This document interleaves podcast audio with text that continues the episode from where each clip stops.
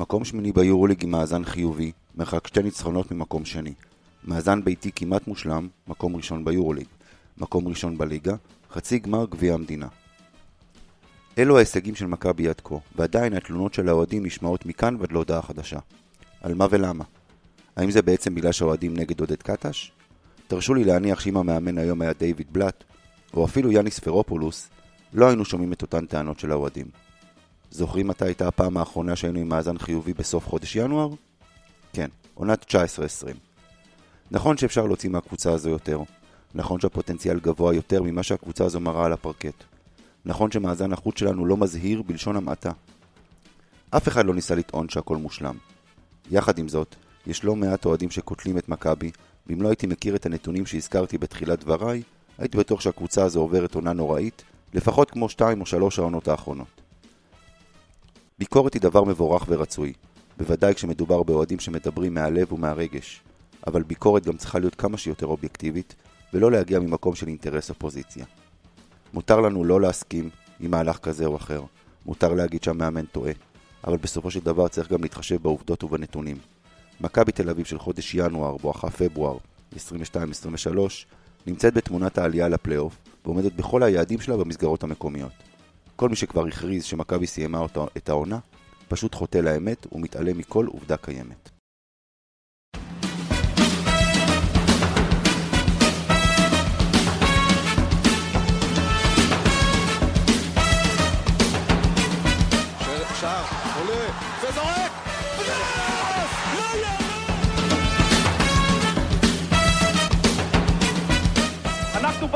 אנחנו נשארים במפה, לא רק בספורט, לא הכל.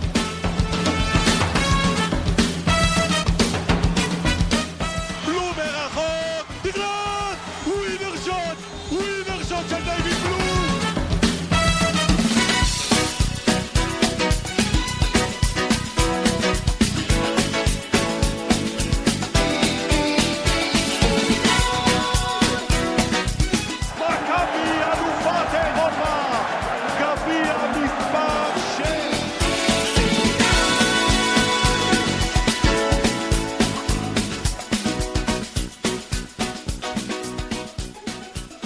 חברים, ברוכים הבאים לעוד פרק של מכבי פוד. אני גיא קופיצ'ינסקי. אה, שמעתם את הפתיח של אמיר טראו, אבל אמיר טראו הקליט לנו פתיח, הוא לא יכול להיות איתנו היום. אה, בזמן האחרון אנחנו דואגים שאחד מאיתנו ייעדר אה, בכל פרק, אז אחרי שאני לא הייתי לפני שבועיים ויאיר לא היה שבוע שעבר. הפעם תורו של אמיר, אבל כרגיל, הבאנו לכם תחליף ראוי. קודם כל, ערב טוב יאיר זרצקי, מה נשמע? אהלן, ערב טוב. והתחליף הראוי לערב זה אה, חוזר אלינו. הופעה לדעתי רביעית, אבל תכף נראה אם אני סופר נכון. בואו ניתן לו הצגה רפי גינת style. Number 7! שחר תבורי! אהלן שחר, מה העניינים? אהלן, אהלן, ערב טוב, מה נשמע? שמח להיות איתכם שוב. אוהד וכותב טורים אה, מדי פעם ככה להנאתו, אתם יכולים לקרוא אותם ב... בקיק ובמקומות אחרים. דברי טעם בדרך כלל, נכון? משתדל, משתדל. משתדל. אז uh, שמעתם מה אמר אמיר. Uh, אתם רוצים להתייחס לזה רגע לפני שנצלול לליינאפ שלנו? אנחנו עומדים ביעדים, אנחנו בסדר, אנחנו... אני חושב שדיברנו על הנושא הזה הרבה מאוד פעמים אה, בשבועות האחרונים. סך הכל, אתה יודע, ברמת, ה... ברמת היעדים, ברמת המספרים, מה שהוא אומר זה נכון. אני חושב אבל שכולנו מבינים שאנחנו לקראת כמה משחקים, בטח אחרי הפציעה של לורנזו, שתכף נדבר עליה, שיכולים גם להפוך את כל הסיפור הזה לגמרי, ואז גם המספרים לא, לא יהיו, אה, אתה יודע, אה, מספיק טובים כדי שמישהו יוכל לטעון שהמצב הוא תקין. אני חושב שזה המקום שממנו מגיעה הביקורת. אה, בואו נראה, תקופת מבחן לעודד, לכל, ה- לכל הסגל. אני חושב אה, גם שזה הפתיח נכון לנקודת הזמן הנוכחית.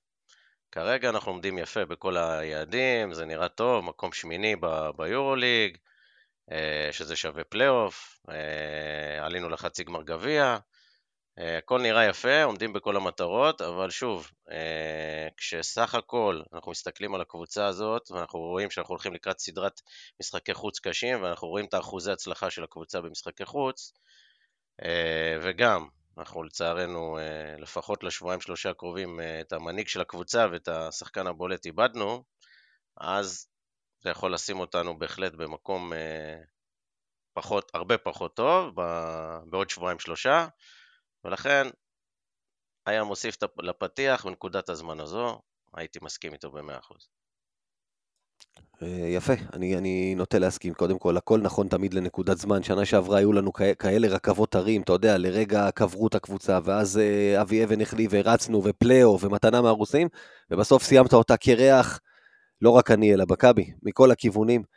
בלי אליפות, בלי גביע, בלי שום דבר, השפלה בפלייאוף, אתה יודע, אז בסוף את, את הכסף סופרים במדרגות, הכל נכון.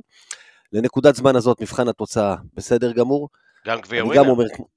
גם גביע ווינר, אמיר לא ציין שהוא אצלנו, אה, אה, אבל, יש אבל קטן, היורוליג השנה, אה, או כי הוא נחלש או לא משנה, הוא בתחרות כזאת, הוא צמוד מאוד, ובתחושה שלי, גם מכבי תל אביב עם כמה מהלכים קטנים מלמעלה, יכלה כן להיות במקום טוב יותר. אגב, לראיה ז'לגיריס, שכולנו ניבאנו למקום אחרון והיא עוד נמצאת מעלינו כרגע עם 12 ניצחונות. מקום חמש. ובעיניי זו קבוצה עדיין, אה, בטח בסגל השחקנים פחות טובה במכבי תל אביב. אז אם היא יכלה לעשות 12, גם אנחנו יכולנו לעשות מאזן טוב יותר, אבל כן, אין מקום לעליהום שיש על עודד קטש במקרים מסוימים, בטח לא במבחן התוצאה הנוכחי. ולפני שנדבר על השבוע שהיה, כי באמת השבוע שהיה הוא בסימן לא כוחות, ואנחנו נגיע אליו אחר כך, זה לא היה שבוע יורולי קלאסי, אה, אנחנו נדבר על מה שבאמת היה משמעותי ועל מה שבאמת הסתכלנו, אה, שני דברים. אחד שיהיה חסר לנו ואחד שמצטרף. קודם כל, מי שדיברתם עליו, לורנזו בראון, אני יכול להגיד שכמובן אמיר ואני שידרנו את המשחק, ומהרגע שהוא פתאום דרך על הרגל וזה היה הזיה, כי אף אחד לא התקרב אליו, הוא פשוט הלך, הלך במגרש עם הכדור, את הפנים, יצא החוצה. מאותו רגע אני יכול להגיד לכם שהראש היה בשידור, אבל העיניים כל הזמן הסתכלו לספסל לראות אם הוא חוזר, כל הזמן לטלפון לראות מה העדכונים ממכבי. המשחק הפך לחצי לא מעניין, סופר משמעותי, סופר משמעותי כמובן. אה, אני רוצה לשאול אתכם, אה, כמה המכה אנושה אני חושב שמיותר לשאול, אבל איך מכבי יכולה להתגבר על דבר כזה בשבועות, בלוז שיש לנו עכשיו, שכולו משחקי חוץ רצחניים? שאני אתייחס. בבקשה. אני חושב, אני, אני חושב לורנזו בראון זה אבדה לא רק בפן המקצועי והסטטיסטי, עם הנתונים שלו, זה בעיקר בפן המנהיגותי, הוא בעצם הברומטר של הקבוצה, בדרך כלל שהוא טוב, אז הוא הופך את השחקנים לידו אה, טובים, ובדרך כלל אה, זה מסתיים בניצחון, אה, באחוזים גבוהים. לעומת זאת שהוא אנמי ושהוא חלש והוא פסיבי יותר, אז הקבוצה, נרא, הקבוצה נראית רע, ובאמת הנתונים, זאת אומרת, השחקנים האחרים גם יותר חלשים, וזה מסתיים בדרך כלל בהפסד. לכן, אני לא יודע עד כמה... אה, ראינו שבעצם שהוא ירד מהמשחק ובולדווין לקח את המושכות. בולדווין הוא שחקן מצוין, שחקן התקפה מצוין וגם שחקן הגנה, והוא לא מנהיג. הוא אה, קלעי בחסד, ואנחנו רואים שמהשדה יש לו אחוזים אה, מדהימים, אבל בעיקר לוקח את הכדור אליו, גם כשהוא מנסה קצת להפוך את השחקנים לידו אה, טובים יותר, זה, זה לא בא באופן טבעי וזה גם לא ברמה שעושה את זה לורנזו. צריך, uh, הצוות המסייע, יש שם, ככה אני קורא להם, uh, קולסון וג'רלד מרטין, הם בהחלט, uh, צריך, לה, ברגע שאתה מפעיל אותם, נותן להם ביטחון, לורנזו בראון הוא גם משרה הרבה ביטחון ושקט uh, שקט, uh, נפשי לשחקנים, ברגע שאתה מפעיל אותם נכון, אנחנו ראינו כבר את uh, קולסון כמה הוא משמעותי, הופך, הופך להיות שחקן מאוד משמעותי עכשיו. ברגע שאם הוא יתפוס באמת יתפוס אה, יותר אה, את היוזמה, או ייתנו לו יותר את היוזמה, יכול להיות שהוא יכול אה, להוות איזשהו עזרה לבולדווין, ולנסות להגיע למשהו שיותר יחפה על ההיעדרות שלו, של לורנזו בראון. מעבר לזה יהיה קשה מאוד. גם המשחקים, הרצף שהוא השאיר אותנו במשחקים, משחקים מאוד קשים. אולימפיאקוס, קראו את ריאל מדריד שבוע שעבר, הביכו אותם, ברצלונה, אנחנו כבר יודעים מי הם. ולנסיה בבית זה משחק אה, שלהם, בבית שלהם, משחק חוץ שלנו מאוד קשה, ולכן אה, בוא נגיד, קשה, קשה לראות שהם מצליחים אה, לצאת עם ניצחון מהשלושה משחקי חוץ האלה, עם ההיעדרות שלו. זהו, בהמשך אני יודע שיש גם עוד משחקי חוץ עם מונקו ועם הנדול, זה קצת יותר רחוק, יש שני משחקי בית שלכאורה נחשבים יותר קלים, מקווה שעד אז הוא יחזור.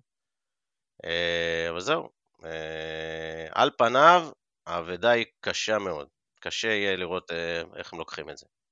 אני אזכיר לך עוד משהו, שעוד תאריך ככה באמצע פברואר, חצי גמר וגמר הגביע, נכון. שזה גבולי. החזרה שלו לתאריכים האלה היא גבולית, וגם פה אה, זה מסוכן. יאיר, בואו נשמע את ההתייחסות שלך לדברים.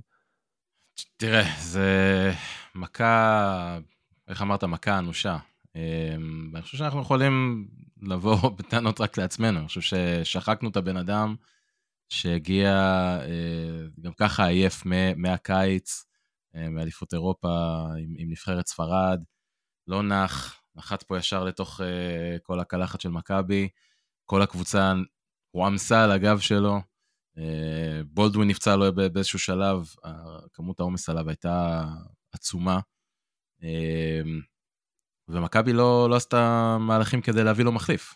אני אמרתי פה כמה פעמים שלדעתי זה החלק הכי משמעותי שאנחנו צריכים לחזק בקבוצה, לדעתי, כי אה, חלילה, אם, אם הוא יהיה חסר לנו, אז, אז יהיה לנו מאוד מאוד קשה, כי אתם יודעים, השיטת משחק של עודד קטש באמת דורשת בכל רגע נתון על המגרש, בטח ברמה של היורוליג, שני גארדים אה, יוצרים שמסוגלים ליצור לעצמם, מסוגלים להפעיל שחקנים אחרים.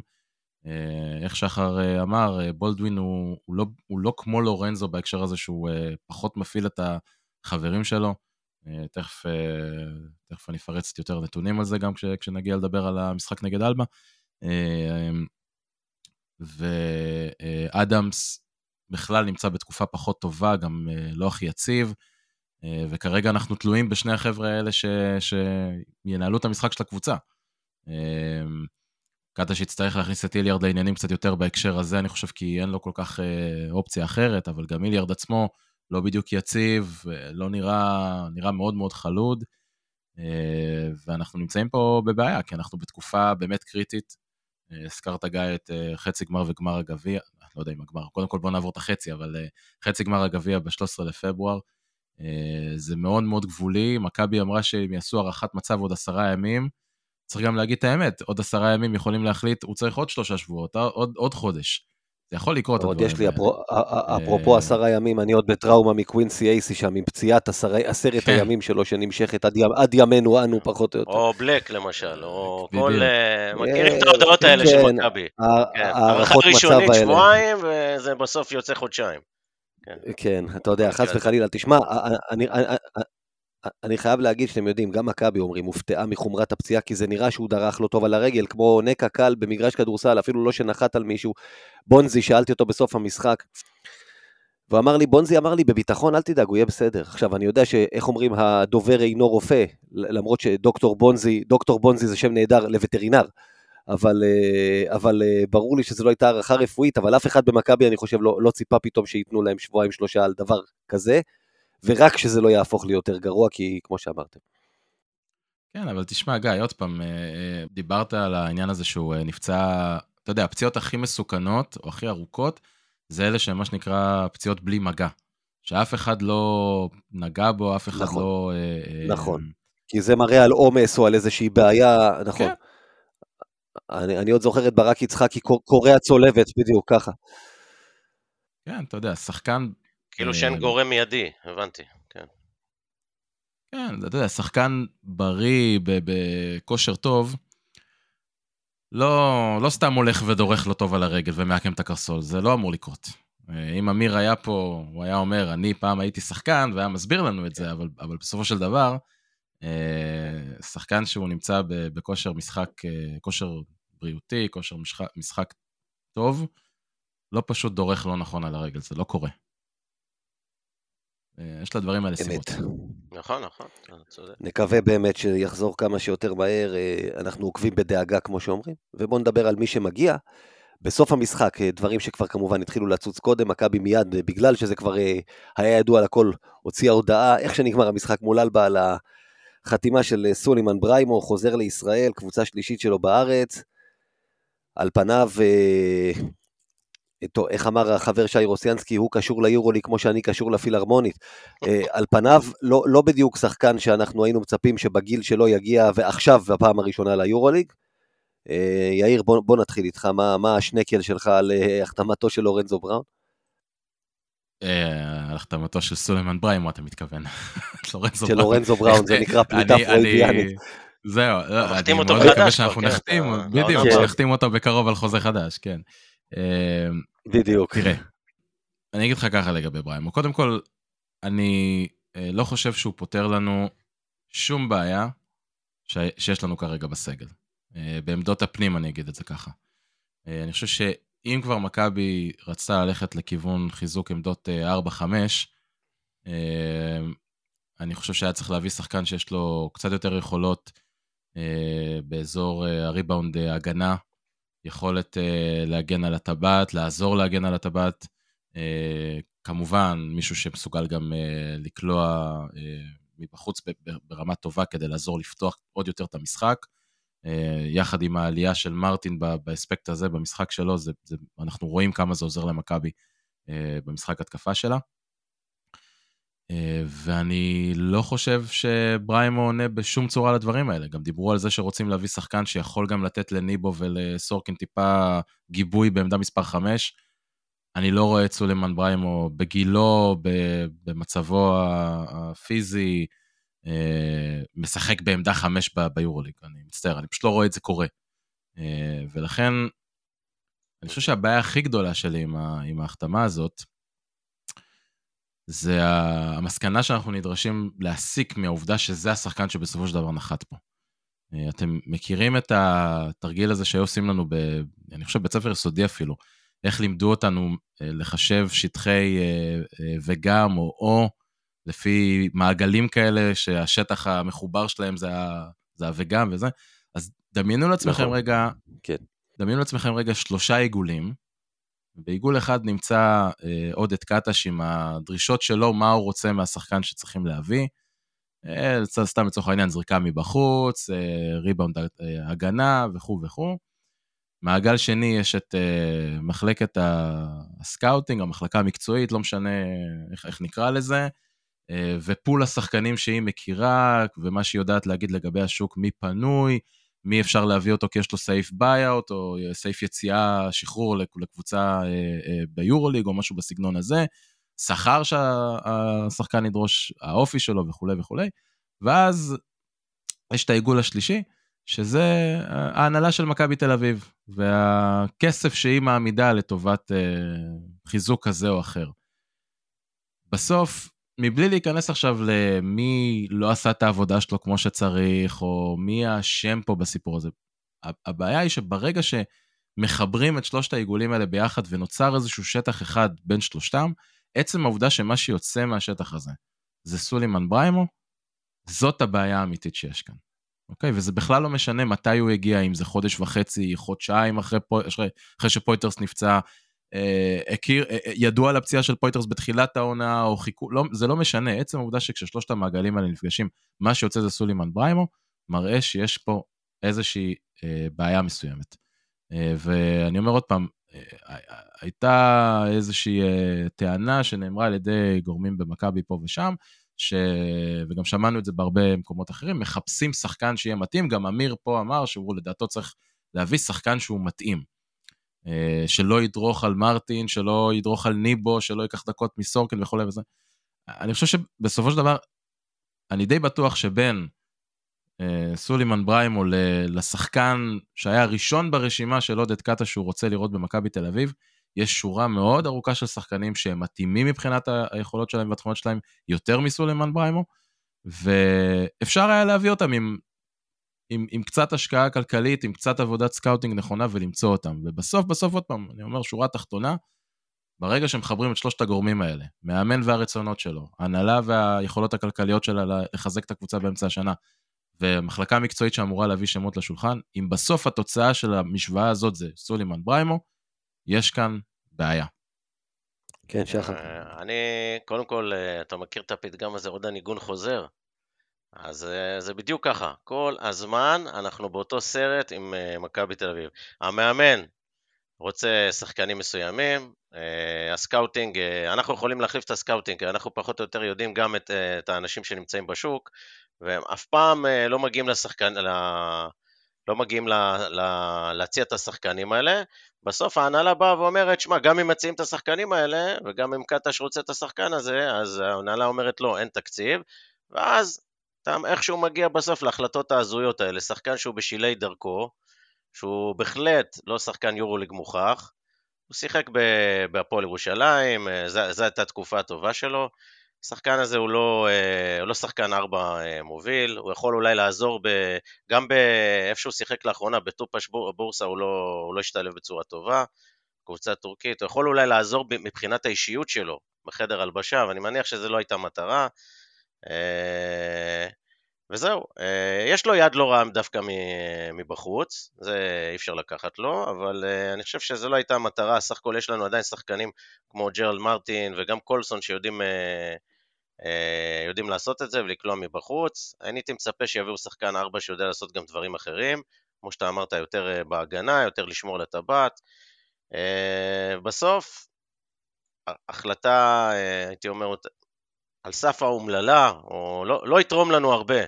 וחיכינו כל כך הרבה זמן, חודשיים, אה, להעיט אותנו ב, בכל מיני אה, שמות ואפשרויות שמי שיחליף את פויטרס, בסוף אכזבה גדולה. שמע, קודם כל השם של בריימו עלה כבר לפני, uh, בתחילת הדרך, נכון. ומכבי כנראה חיפשה אופציות יותר טובות וחזרה אליו. שמע, דיברת על אחוזים מבחוץ, רק נעדכן אותך, השנה בטופש בליגה הטורקית הוא עם 22 אחוז מחוץ 아. לקשת. שזה על הפנים לעומת מה שהתרגלנו ממנו. צריך להגיד שב-BCL הוא עם 35 אחוז, שזה הרבה יותר טוב. הלוואי, 35 אחוז, אתה יודע, זה בטח הרבה יותר מה שפויטרס עשה מהטווח הזה, כי הוא לא עשה. אולי זה ייתן איזשהו פתרון. אה, כן, על, על פניו זה לא ברור, כמו שיאיר אמר, אה, שסולימן בריימו היה באילת, הוא היה שחקן ההגנה של השנה, דיברנו על זה ב space של רום, יאיר אמר אז עוד אפילו ילדות לא היו לי, אז, אז איזה המ. זמנים אחרים, כן, גם פה מדברים, שאם כבר הבאת אותו, יכול להיות שזה קצת באיחור, שאולי באמת לפני כמה שנים הוא כן התאים. אה, תשמע, מכבי תל אביב, גם מישהו שם אמר לנו, אה, המגמה הייתה לא לחפש עכשיו שחקן בקליבר של פויטרס, קרי שחקן טופ שיהיה מוביל, אלא כי הם ראו שניבו השתפר מאז, וג'ייקס נכנס לעניינים, וג'רל מרטין, אז הם רצו שחקן שלא אה, יוריד אותם חזרה, אלא ייתן דקות מנוחה וירחיב את הרוטציה, כי קטש בעצמו אמר, תביאו לי שחקן כי אנחנו נקרוס. אז כמובן, כמו שיאיר אמר, על פניו הוא לא פותר לנו בעיות, על פניו זה לא השחקן ברמה שדרשנו, הוא אולי ירחיב את הרוטציה ובכל זאת, ואולי הוא יפתיע אותנו, אין מה לעשות, בסוף אתה יודע, אנחנו גם פה, גם פה אנחנו נראה את מבחן התוצאה בסוף, אבל על פניו, ואת זה אנחנו יודעים, גם אמיר מסכים איתנו, זה, זה, זה מאוד מאוד מאכזב. בואו נעבור, אז בכל זאת נדבר על השבוע שהיה לנו. בסימן לקוחות, אנחנו נתייחס לשני המשחקים, מה אנחנו לוקחים בכל זאת, כי באמת, אלבה ברלין, אני אגיד משהו עליה קודם כל. היה ברבע הראשון חלק מהשני, היה פשוט מביך, מביך לראות את הקבוצה הזאת. נכון. היא שיחקה כדורסל שם, זה כמו שאתה יודע, אתה נותן לילדים קטנים לשחק במגרש, והילד מקפיץ כדור והכדור בורח לו, הם זרקו ארבולים, הם זרקו קטיושות, אתה יודע, היה צריך לפרוס כיפת ברזל פתאום. זה היה באמת כדורסל שבדרך כלל אלבה ברלין קבוצה מאומנת, דרך אגב, אחד הדברים, התקפה היא קולעת אה, לפני המשחק הייתה כמו מכבי מבחינת נתוני התקפה. שבוע לפני זה הם החזיקו את ריאל מדריד שם, היה, היה להם משחק מצוין, זה, זה נכון, מה שאני... זה היה ממש מוזר לראות את הקבוצה הזאת. תשמע, נכון שפה ושם היא נותנת משחקים, אבל בסוף אלבה ברלין גם השנה, אה, אחרי שהייתה עם רצף 12 הפסדים, ניצחה עוד פעם שלושה רצוף, מאז מכבי למעשה. היא עושה את הניצחונות שלה בשלשות השנה. יש לה פעמיים רצף של שלושה ניצחונות בפתיחת היורוליג ובין מכבי. מכבי לריאל מדריד. אבל עדיין היא קבוצה עם מאזן של 6-13 אה, עכשיו, 6-14 או 6-13? 6-14. כן. 6-14, היא עדיין בתחתית. אני באמת, אתה יודע, אם, אם הייתי אוהד ביין מינכן בכדורסל, ואני לא יודע כמה אוהדים שלהם, אני יודע, בכדורגל יש להם גאווה, בכדורסל אני לא יודע. זה היה מביך אותי שהקבוצה האומללה הזאת לוקחת לי דאבל על הראש שלוש שנים רצופות כבר. אני באמת, אני, אני כל, כל שנה מצפה שהיורוליג פשוט ירחיק אותה, כי די כבר, אתם לא ברמה ואתם מביישים את היורוליג. אה, ויאיר פעם דיבר על איזו החלטת קריירה אומללה זאת מבחינת יובל זוסמן, שנגיע אליו בהמשך ללכת לשם. נכון. אבל גם את המשחקים האלה, גם את המוקשים האלה צריך לעבור. ולפחות מכבי עשתה את זה קל, הניצחון שלנו לא הוטל בספק. נכון שמחצית שנייה עדיין הצלחנו לקבל מהם 46 נקודות. אה, וריבאונד ההתקפה שלהם 18 ריבאונד התקפה, מתוך סך הכל 42 ריבאונדים. שהיו. כן, אבל הרגשת שהם לא מסוגלים, אה, לא ממש מסוגלים לא. לדקדק אותך. היה ברור נכון. הניצחון. וזה גם בלי לורנזו. אה, ניקח את החיובי, דארן איליארד עם שלוש משלוש מחוץ לקשת, וקטש פתאום מדבר עליו קצת באופן חיובי, אחרי שהיה נראה שהנתק ביניהם מוחלט. רפי מנקו המשיך את היכולת מהרצליה, וכלה אה, שלשות, וראו את השמחה שלו שהוא עושה את זה, וזה מאוד חשוב. וכמובן וייד בולדווין, תשמעו, ראיתי אותו לפני המשחק. בחימום, דיברנו על זה תוך כדי, הבן אדם עופף שם לדנקים, אתם יודעים, יש את העניין הזה. ראית שהוא, לא, זה שהוא אתלט אנחנו יודעים, אבל ראית אותו לפני, אתה יודע, כל מי ששיחק כדורסל גם בשכונה, מכיר את הימים האלה שאתה בא ואכלת כמו שצריך, לא אכלת איזה חמין לפני המשחק, ואתה מרגיש קל רגליים, ואתה קופץ בחימום עוד, אתה מדנק, ואתה זה, אפילו אני מכיר את זה, ואני לא הייתי שחקן כדורסל כמו אמיר, רק בשכונה. אבל יש את הימים האלה שאתה מרגיש קליל ואתה מת שנתחיל לשחק, ואני אמרתי לאמיר במהלך השידור לפני המשחק, שמע, בולדווין נראה קל רגליים, הוא נראה בפורמה, יש לי הרגשה שהוא הולך לתת היום חתיכת משחק, וגם אני לא ציפיתי למה שהוא ייתן שם. שוב, באופן טבעי בהיעדרו של בראון, אז ברור שהוא ישתלט, אבל, אבל הוא מזכיר לך במשחקים כאלה איזה יכולות על יש לו, לא רק האתלטיות, החדירה, היכולת לייצר. בצד השני, שוב, דיברת על זה קודם, בהיעדרו של לורנזו, אפס אה, הפעלה של הגבוהים. הגבוהים שלנו כלו ביחד, אה, נדמה לי, חמש נקודות. שסורקין כלה אותה בשלשה, אתם יודעים, שום כדור פנימה, שום, שום אה, הפעלה של ניבו וסורקין. שום סל. קל מתחת לסל. אנחנו נציין שאלבה היא קבוצה מאוד גדולה, גם קטש ציין את זה בנושא הריבאונד התקפה, שיש לה סייז רציני גם לקבוצת יורוליג, אפילו בשביל קבוצת יורוליג, ועדיין, ועדיין, אה, גם מול גבוהים כאלה, אתה יודע, יש תרגילים, להוציא אותם החוצה, לחתוך. לא ראינו שום דבר מזה, לא ראינו כמעט כדורסל קבוצתי, וברור שקבוצה קצת יותר רצינית מאלבה תעניש אותנו על זה. זהו, בוא, בוא נשמע את הדברים שלכם. אה, הרצליה, שוב, אין הרבה מה להגיד. בלי קריס באב, אמרנו את זה לפני, זה, זה פשוט לא כוחות. אתה רוצה שנדבר רגע כמה בולדווין היה דומיננטי במשחק הזה? כן. כמה זה 33 נקודות, אבל מה עוד? זה לא, זה לא רק שיא אה, קריירה. כן, שיא קריירה, גם אה, אם אני לא טועה נבחר ל-MVP של המחזור ביורוליג, אבל זה לא רק ה... של המחזור. כן, כן. תראה, אמ, היו הרבה דיונים בכל מיני רשתות חברתיות וקבוצות וואטסאפ למיניהם. אה, אני חושב שגם בקהילת וואטסאפ שלנו הנושא הזה עלה. מאז כל אה, סיפור החוזה של לורנזו בראון, יש סעיף שחרור אה, בחינם לספרדים, buy-out של מיליון דולר בקיץ, כל הדברים האלה.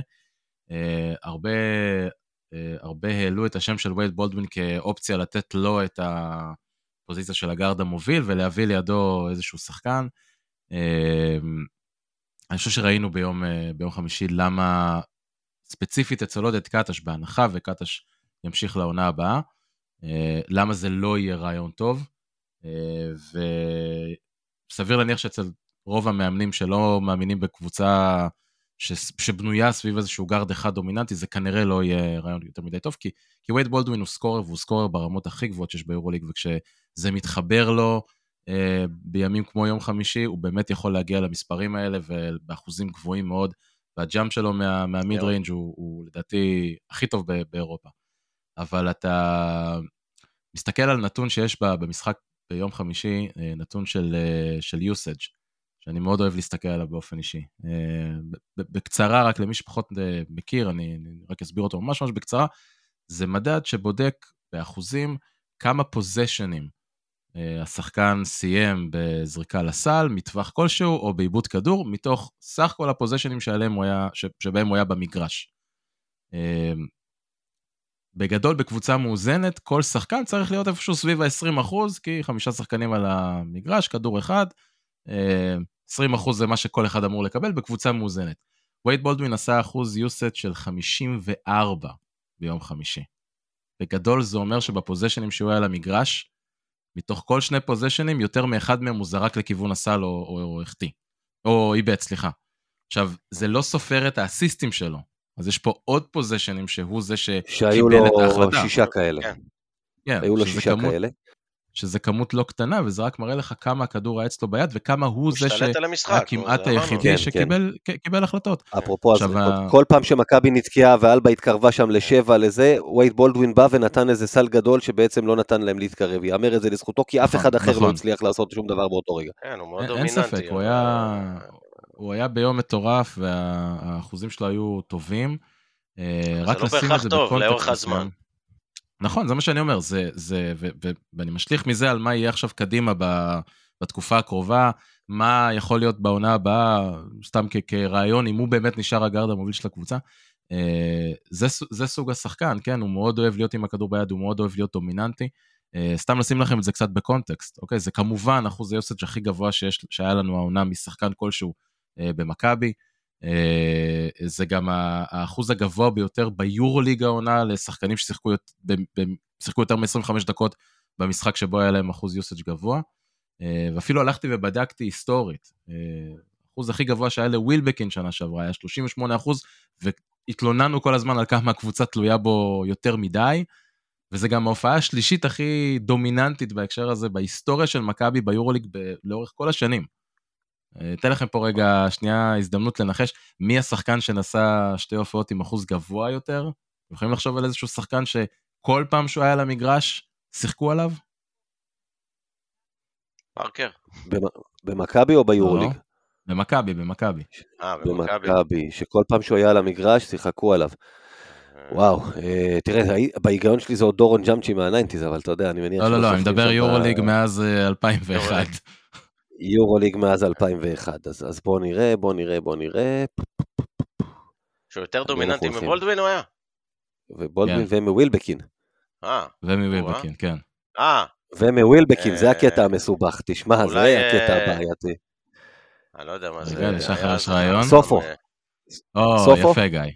כן. אה, אז כן. לסופו, היו וואי. שתי הופעות ב-2012 עם אה, 56 אחוז יוסאג', ותחשבו כמה סוף. היה דומיננטי אז, כן? אבל הוא עשה את זה עם 9 ו-10 דקות בכל זה אחד פחות המשחקים. היה האלה, זאת מורגש, אתה יודע? כן, זה פחות היה מורגש כי זה גם היה מתבקש, שחקן כזה אתה חייב לשחק עליו, אבל זה באמת מראה כמה וייד בולדווין השתלט על המשחק ביום חמישי, וכמה, עוד פעם, כמו ששחר אמר, אה, נגד אלבה זה סבבה, אפשר לעבור עם זה. אני לא בטוח שזה משהו שאנחנו יכולים להחזיק איתו נגד, אה, בטח לא לא, אולימפיאקוס, אתה אני לא יודע אפילו נגד ולנסיה. בטוח שלא. כן. בטוח שלא, זה לא שיטת משחק. זה, אתה יודע, מול קבוצה מאוד חלשה, אתה יכול, אה, אתה יכול ככה להסתמך על הד- על הדבר הזה. קבוצות נכון. שמאומנות, וכמו האולימפ- אולימפיאקוס, שהיא סופר מאומנת ומגנת ברזל, זה לא יעבוד. שמע, אני יכול להגיד לך דבר אחד, זה נכון מאוד, צריך להגיד שמכבי תל אביב לא התכוננה לשחק ללא לורנזו בראון, ויכול להיות שאין לה תוכנית כזאת, ועכשיו קטש יידרש בהמשך לעכשיו, לשבועיים, שלושה הקרובים, הוא נדרש לפתח שיטת משחק כזאת ללא לורנזו בראון, אז אני לפחות מקווה שיהיה איזה משהו כזה, וזה לא ייראה כמו נגד אלבה שהיה אלתור מוחלט של משהו שנכפה עליו, כי אחרת, כמו שאמרת, אחרת אוי ואבוי לנו, אה, חד משמעית, אה, זה לא רק אולימפיאקוס וברצלונה שמראש הסיכוי שלך לנצח שם, גם עם לורנזו בראון, הוא קטן, נו. בטח לאור ההצלחה בחוץ, אבל קבוצה כמו ולנסיה, זה כן מגרש, בטח עם לורנזו שיכולת לנצח, אבל בצורת משחק כזאת, לא עם הקהל שלך, גם היא, זה יהיה, זה יהיה בלתי אפשרי. עוד משהו להגיד על אה, המשחקים האלה, או שאנחנו נעבור הלאה? אני רוצה להגיד רק עוד משהו אחד לגבי המשחק נגד אה, אלבה. אה, צריך ל... לא, לא לקחת כמובן מאליו את העובדה שניצחנו אפילו שזה אלבה ברלין, את המשחק הזה בלי לורנזו בראון. כי אני לא יודע אם הצלחתם לשים לב, גיא, בשידור שזה, או שחר כשהיית ביציע, ניצחנו את המשחק הזה בגדול עם סגל של הליגה הישראלית. זאת אומרת, אה. כל הזמן, אה, ישראלים היו מצוינים. לא רק זה, כן. דיברנו על זה, כל הזמן קטש שיחק בשיטת ליגה, תמיד היה ישראלי על המגרש. חמישיות שדרך אגב גם בליגה לא היית רואה עם ארבעה ישראלים, באימונים אני לא בטוח שתרגלו אותם. חד משמעית, ראית פתאום את מנקו עם סורקין, עם ג'ייק, עם כאילו, אה, עם ג'ון די ביחד בחמישייה, או דברים כאלה, או עם יפתח. עם יפתח זיו, כן. הוא היה... הישראלים באמת היו...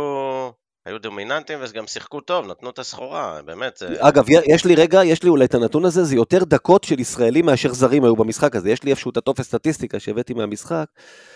תן לי לראות אם אני מצליח ל- ל- ל- להקריץ אותו, אבל אני בטוח, אני בדקתי את זה. יותר דקות לישראלים מאשר לזרים אה, במשחק הזה מול אלבה ברלין. מתי ראית את זה קורה ביורוליג? מתי ראית את זה קורה גם בליגה, דרך אגב? אה, בתקופה של אה, וויצ'יץ' לא נראה לי שזה היה. הוא לא, לא החשיב כל כך את הישראלים. בלשון המעטה. תשמע, אה, תשמע, כמעט חצי מהמשחק, קרוב ל-20 דקות, שיחקנו עם חמישיות שהיו עם שני ישראלים לפחות. זה המון נכון. ביורוליג, כאילו, אה, ואנחנו מדברים פה על שחקנים תשמע, הם אה, סיפקו את הסחורה. שישבו אה, בפריזר. כן, לא, לא, חד משמעית, אני, אני, אני אומר את זה לזכותם, אני אומר, לא צריך לקחת את זה ב, כמובן מאליו, את העניין הזה. יש פה שחקנים שבאמת יצאו מהפריזר, יפתח זיו ביום אה, רביעי בבוקר, אני, לא, אני, אני משוכנע שהוא לא חושב שהוא בכלל יהיה בסגל. ביום חמישי ברור. בשעה אה, תשע שהודיעו ורבע, ש- שהודיעו שאדמס חולה, נכון. כן, ו- ופתאום ביום בדיוק. חמישי בשעה תשע ורבע הוא מוצא את עצמו על המשחק, אה, שחקן רוטציה שנדרש להיות רוט- שחקן רוטציה לגיטימי. אני אגב לא מצליח להבין את כל הביקורת על ההופעה שלו, אני לא מבין מה אנשים ציפו. שבמצב הזה הוא יבוא. ו... לא, היה בסדר. כן, ברגע שהוא יודע, מבין את המגבלות שלו, אז הוא משחק טוב, תשמע. לא הוא- ראיתי אותו מנסה לעשות דברים שהוא לא יודע. כן, דרך אגב, בדיוק. אפרופו, את זה, את זה לא ציינו. בנוסף לזה שלורנזו נפצע לך במהלך המשחק, ג'יילן אדמס כן, היה כן. חולה ולא היה בסגל. זה, זה שני, שני גארדים מובילים שנגרעו לך מהרוטציה, אז בוודאי ובוודאי שהכדורסל שלך יהיה מאולתר. שניים מהגארדים שלך היו חסרים. אז זה ועדיין- חד משמעית. עדיין הצלחת לייצר משחק שבשליטה מלאה שלך. נכון. שהניצחון, זה, זה מח- יפה. אמנם היריבה, אבל גם זה לא מובן מאליו, בסדר, גם עם. החמישיות האלה, אתה צודק, אתה צודק. אני רוצה רגע, אתם יודעים מה, אם כבר נגענו, ניגע בהרצליה בנקודה אחת קטנה, כי חשבתי לעשות על זה משהו, ואז הגיע הסיפור עם סוסמן, אבל באמת, תנסו בשני מילים. סנדי כהן, שראינו אותו, היה במכבי שנתיים, היה מושאל להרצליה, מכבי ויתרה עליו. אני רואה, אני, אני מאוד אה, אוהב את השחקן הזה, יודע לשמור, השנה 46% מחוץ לקשת לדעתי. אתלט על, אגב, מי שראה אותו מקרוב, ויש לו גוף מושלם לכדורסל, זה מצחיק, אני מדבר על גוף של גברים והכל, אבל תשמעו, בלי טיפת שומן מיותרת, כולו שרירים, כולו גמיש, כולו, אתה יודע, זה, זה באמת, הוא אתלט מטורף. האם מכבי תל אביב ויתרה עליו מוקדם מדי, ואתה יודע, יש לך היום אה, ישראלים בליגה, האם הוא יכול היה להיות שחקן ישראלי לפחות לליגה, אם לא קצת יותר. ממש, תנסו בקצרה. אני חושב שבנוסף הוא גם שיפר את הכלייה שלו. אה, גם הכלייה שלו מבחוץ אה, כן. פתאום השתפרה, אני רואה שהוא קולע פה משלוש, רואה- יחסית ב... מה, מה. לא יודע את האחוזים ספציפית, אבל הרושם שלי היה 46 שהוא... אחוז מחוץ לקשת. אני, אני אגב, כן. אבל אני אזכיר לך שב-19-20 בגמר מול ראשון, השלשות שלו מחצית ראשונה נתנו לנו את הפער שבסוף הביא אליפות. כן, אבל אה, זה, אז תשמע, אני לא, לא, לא יודע להגיד לך מבחינת זה, אבל הוא בהחלט אה, היה מוסיף לך כוח מבחינת ה, כל ההגנה, השמירה על הטבעת, האתלטיות שלו היא נהדרת, ובאמת אה, היה אפשר להיעזר בו. אה, באמת אה, משהו ש... לי להגיד אם זה משהו שהיה צעד אה, באותה...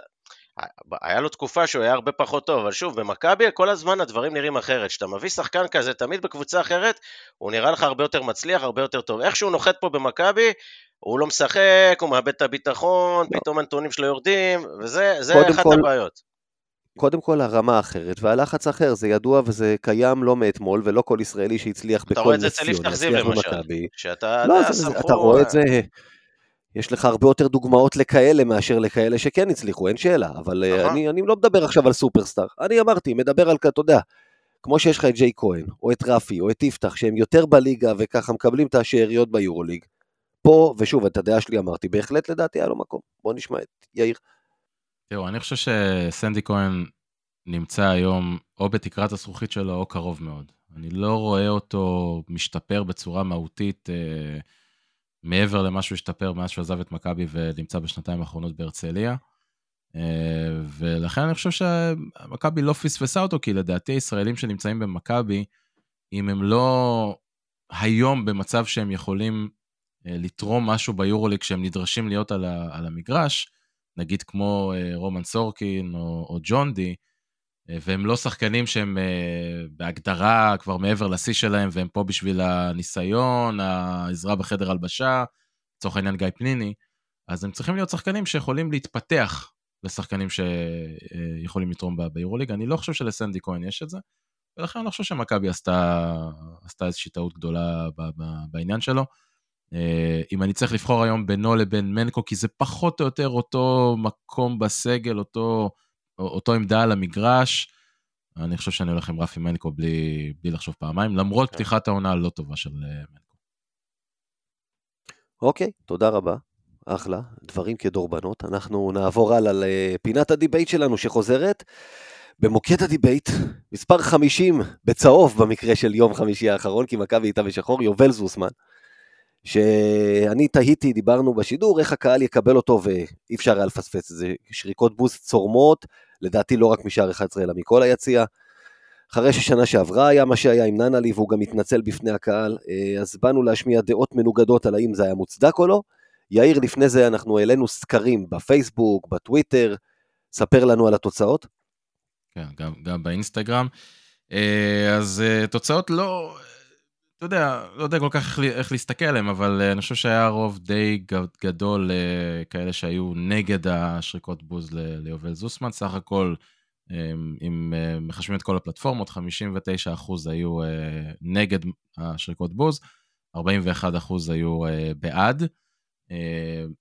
אני רק אגיד, אנחנו בכוונה לא שמנו אופציה של הייתי אדיש לזה, או לא עשיתי לא את זה ולא את זה, אבל היו לא מעט ש...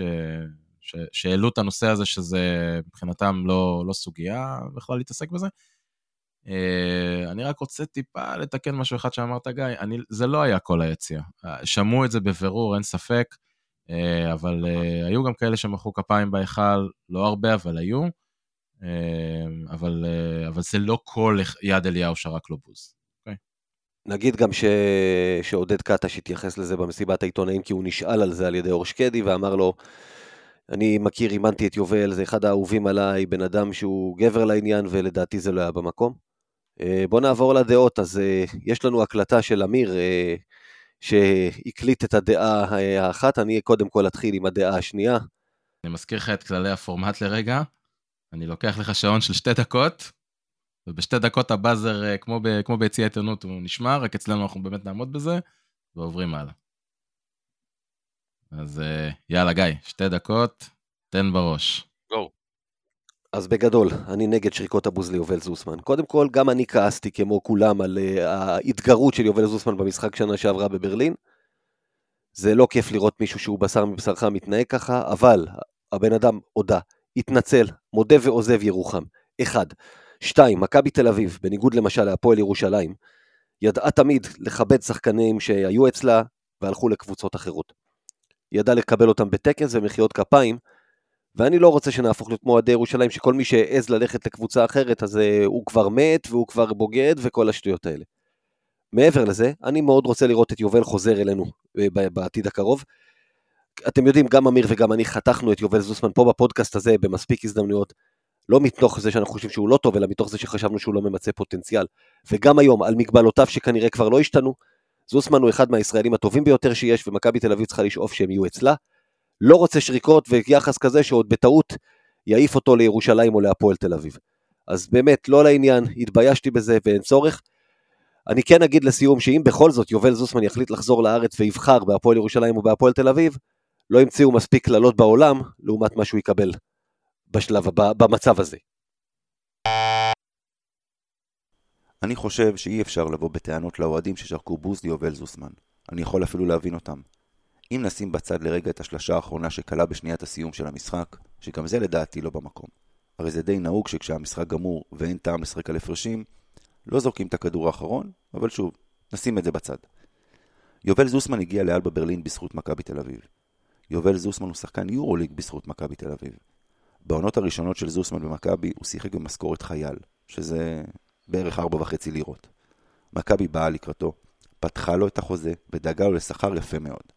שיבחה אותו כשחקן, דאגה לו לאימונים אישיים, פיתחה אותו, ונתנה לו מקום בדקות משחק כשחקן חמישייה בקבוצת יורוליג. להזכירכם, זוסמן שיחק במכבי תל אביב קרוב ל-20 דקות. ביורוליג, כן? לא בליגה. ומה מכבי קיבלה בתמורה כשהגיע הרגע של זוסמן שהיה צריך להחליט אם להישאר או לעזוב? יובל כבר היה על סף חתימה בפועל ירושלים, היריבה הגדולה של מכבי תל אביב באותה תקופה, למי שכבר הספיק לשכוח.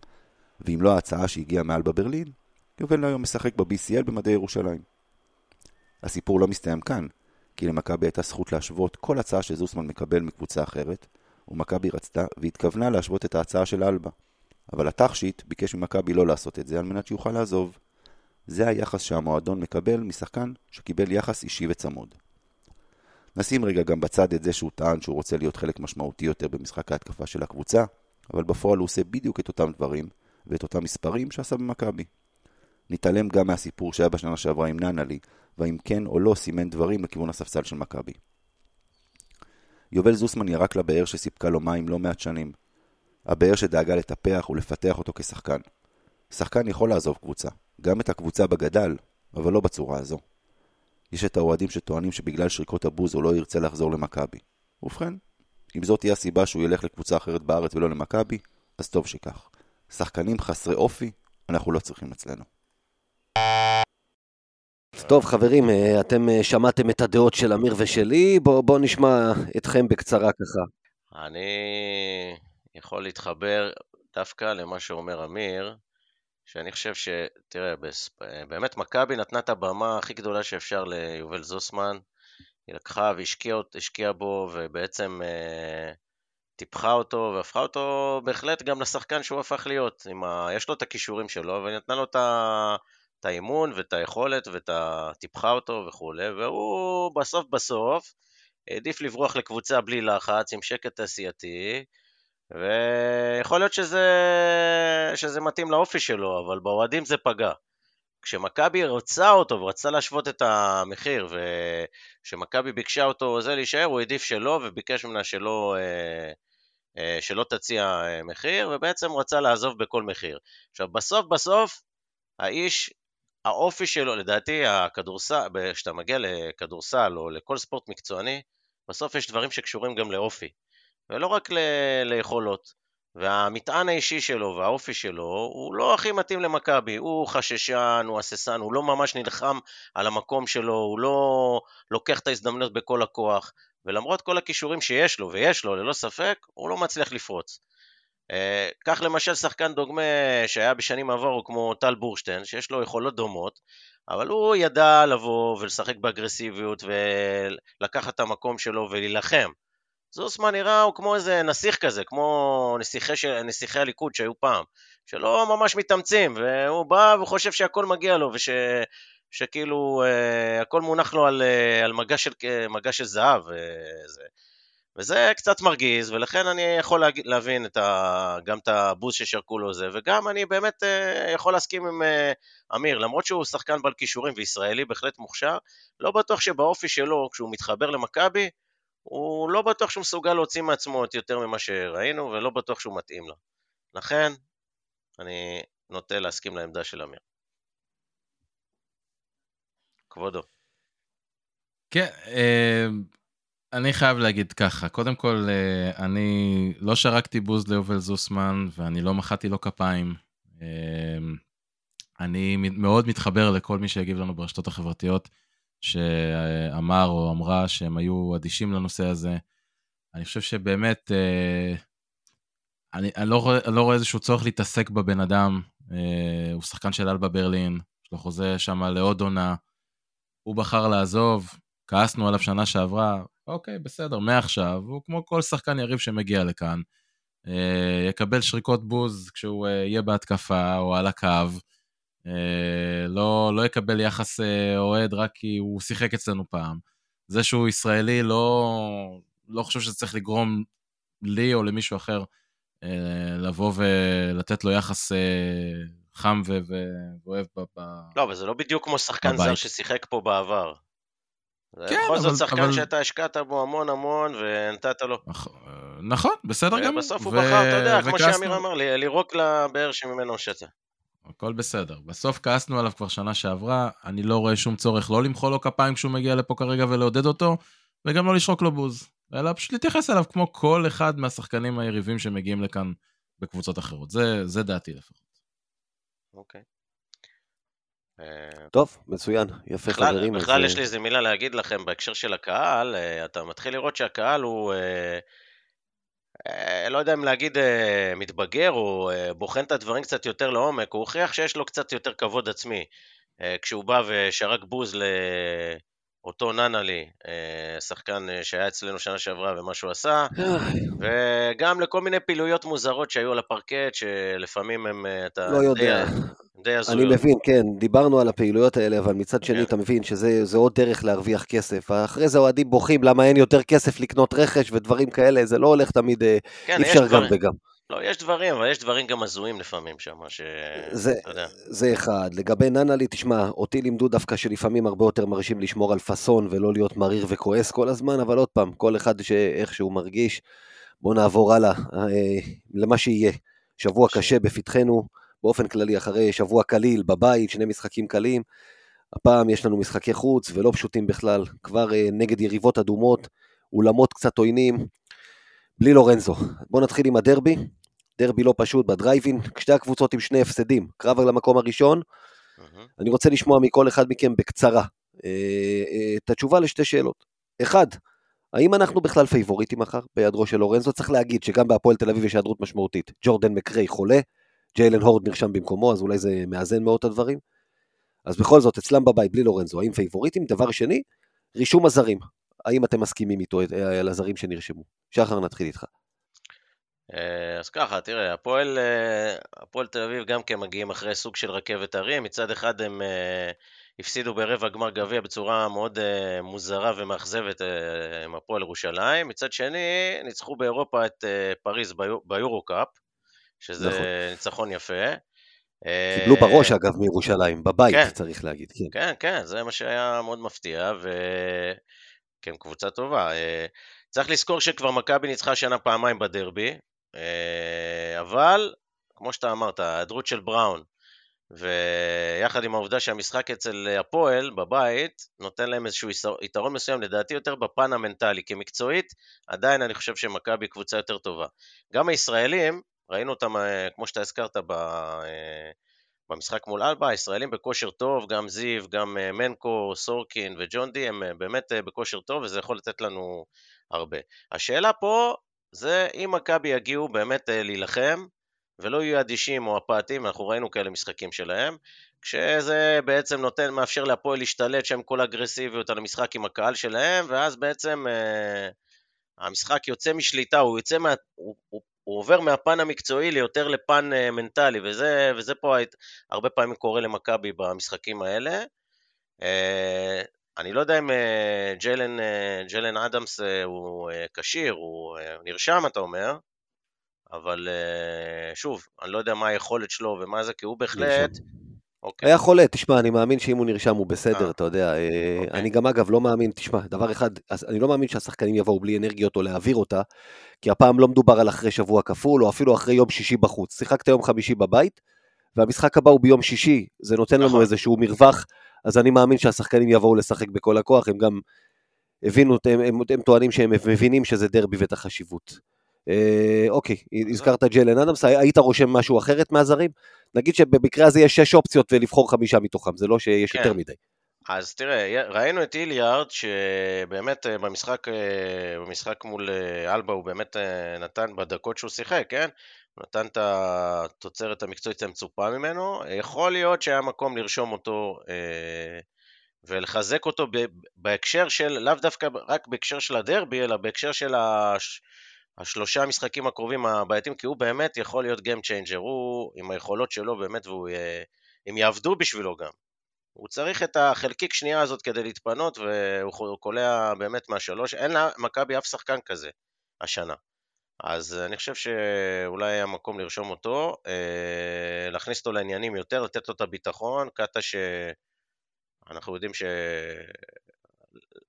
ביניהם איזה משהו, ונראה שהוא עכשיו אה, טיפה יותר נותן לו קרדיט, אז היה צריך אולי להמשיך עם זה. זה שוב, אתה כל פעם נותן לו עליות וירדות, ואז בסוף שחקן מאבד את הביטחון, וחבל. אה, זהו, זה השחקן היחיד שאולי הייתי אה, רושם. יאיר, מה דעתך? קודם כל לגבי הסגל, אני חושב שלא הפתיע אותי הבחירה של אה, קטש, אני חושב שאלה החמישה שחקנים שהוא מרגיש איתם הכי בנוח כרגע ללכת למשחק אה, אה, חשוב בליגה. אה, אני חושב שאנחנו חייבים לדבר על כמה קריטי המשחק הזה. אמרת שאנחנו בעצם אותו מאזן כמו הפועל. תקנו אותי אם אני טועה, ניצחנו במשחק קודם בארבע או בחמש? חמש, 95-90 בליגה.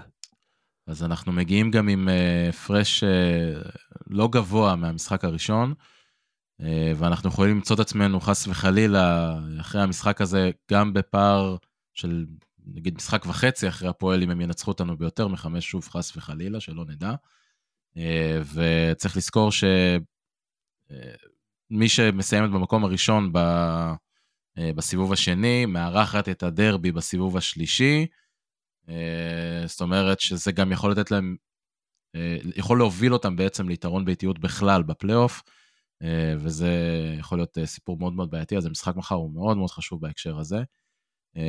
אני לא הייתי רושם את איליארד במקום אדמס, בהנחה כמובן שאדמס הבריא מהמחלה שלו והוא פיט לחלוטין, כי אני חושב שאנחנו צריכים שחקן שאנחנו יכולים כמה שיותר לסמוך עליו, והיליארד, יש לו את הימים האלה שדברים לא מתחברים לו גם בליגה, וקטש לא מתחבר אליו גם בליגה במקרים מסוימים, ואנחנו צריכים עוד מישהו ליד, ליד בולדמין למשחק הזה, זה, זה בהקשר של הסגל.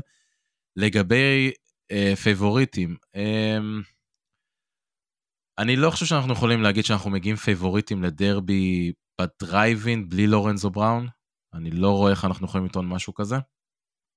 אה, מצד שני, אני, אני חושב שההיעדרות של אה, מקריי אה, היא לא משמעותית כמו לורנזו אצלנו, אבל היא כן משמעותית מספיק כדי לבוא ולהגיד שלמרות שלורנזו אה, חסר אצלנו, אני לא חושב שהפועל פייבוריטית מובהקת וזאת תהיה הפתעה מרעישה אם מכבי תנצח את המשחק.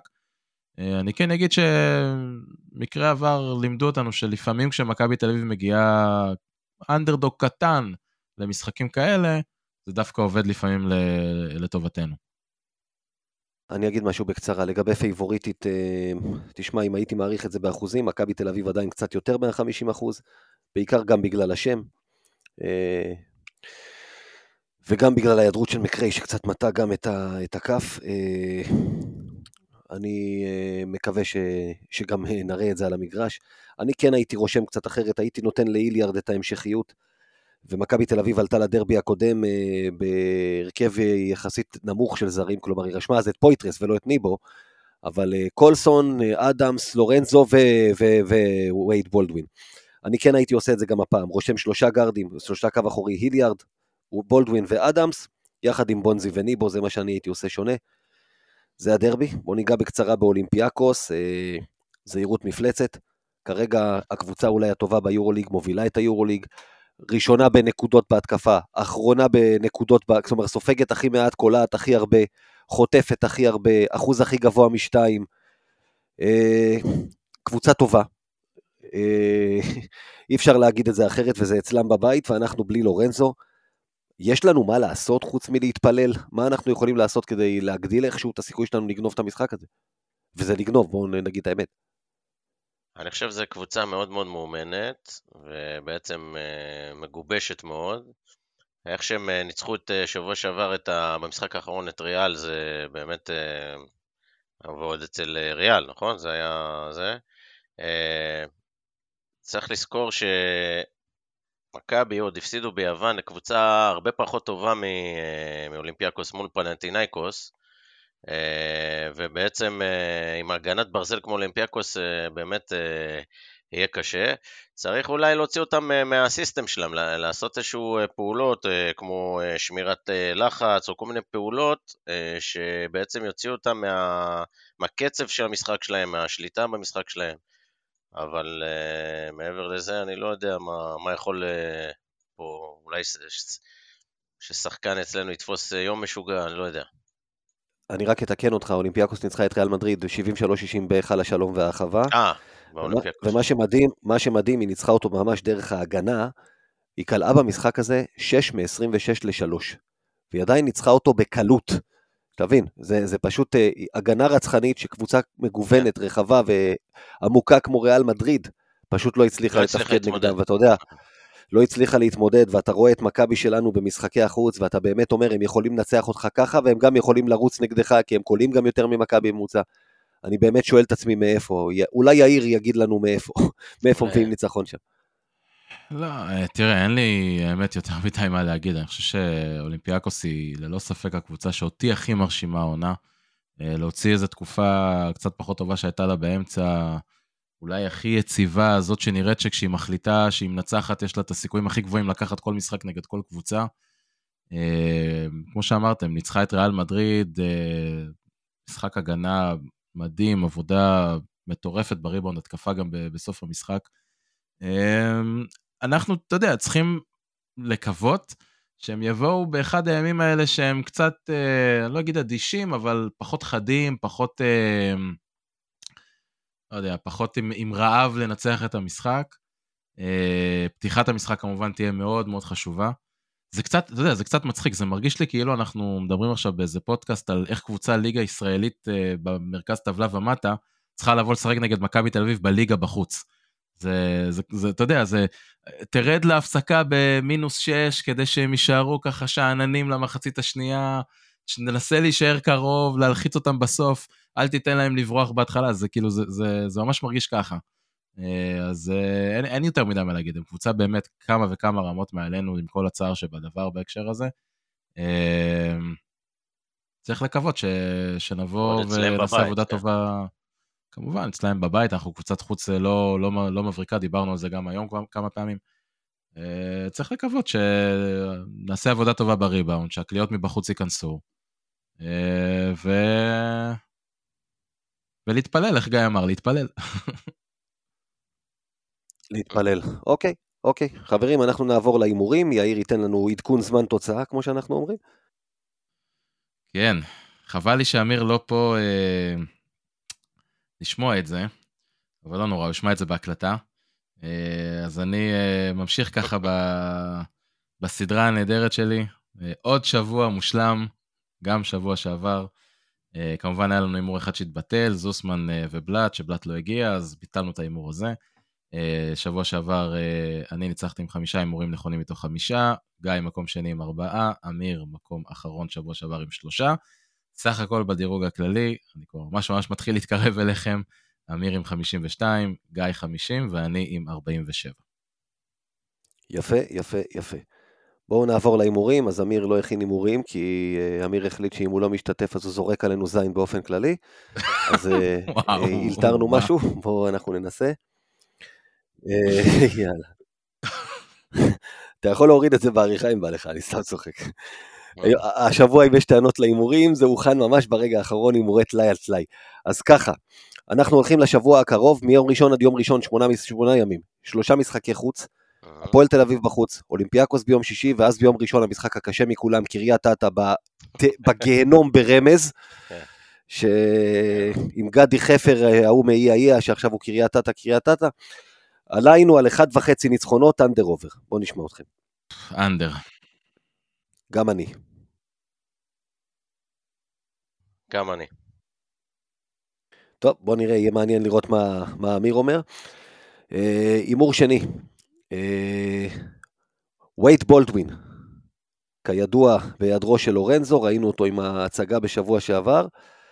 אנחנו הולכים על, אה, על אה, line של, אה, של אה, 18 וחצי נקודות, ממוצע ממ. לדרבי ולאולימפיאקוס. under over המספר הזה. אתה יודע מה? 17 וחצי, ניתן קצת הנחה. בש- אתה- על שני המשחקים אתה מדבר? שני המשחקים ממוצע, אה, בשני המשחקים הקרובים. אני אומר לא over. כולל קריית אתא. over. אוקיי. אה, אני הולך עם, אה, עם under. אוקיי. יאיר? גם אני אומר under. אין לורנזו, כן? בדיוק, על זה אנחנו מתייחסים, אחרת לא היינו כן. מעמידים line כזה. כן, כן. under. אוקיי, עכשיו אנחנו הולכים לדרבי. הפועל תל אביב קולעת בשלוש בליגה 36.5 אחוז, מכבי תל אביב בליגה 38.2. מי יקלע באחוז גבוה יותר לשלוש? מחר. הפועל או מכבי? אני הולך על אה, מכבי. אה.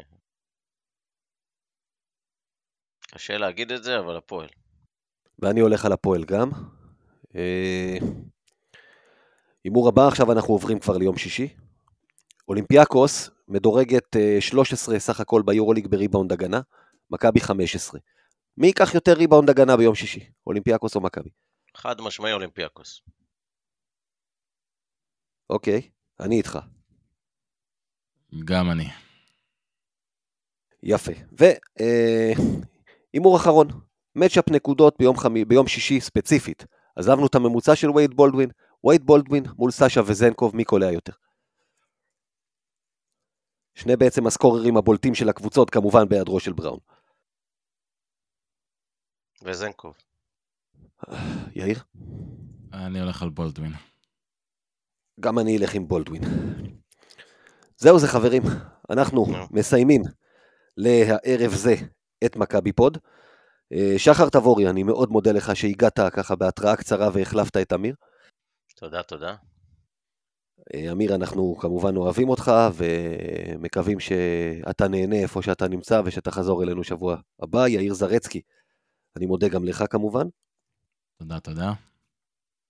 ואתם כמובן מוזמנים לחפש אותנו, מכבי פוד, גם בפייסבוק, גם בטוויטר, גם באינסטגרם, גם בטלגרם, גם באתר מכבי פוד, גם בקבוצת האוהדים של מכבי תל אביב וכדורסל בפייסבוק, וכמובן גם חדש בקהילת אה, הוואטסאפ שלנו, קהילה נהדרת וחופרת, אתם יכולים לבוא לשם, תוססת, להתחבר, תוססת.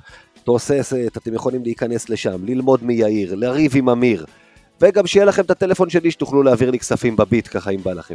אז uh, חברים, תודה רבה לכם, אני הייתי גיא קופיצ'ינסקי, אנחנו היינו מכבי פוד, וכמובן, יאללה מכבי.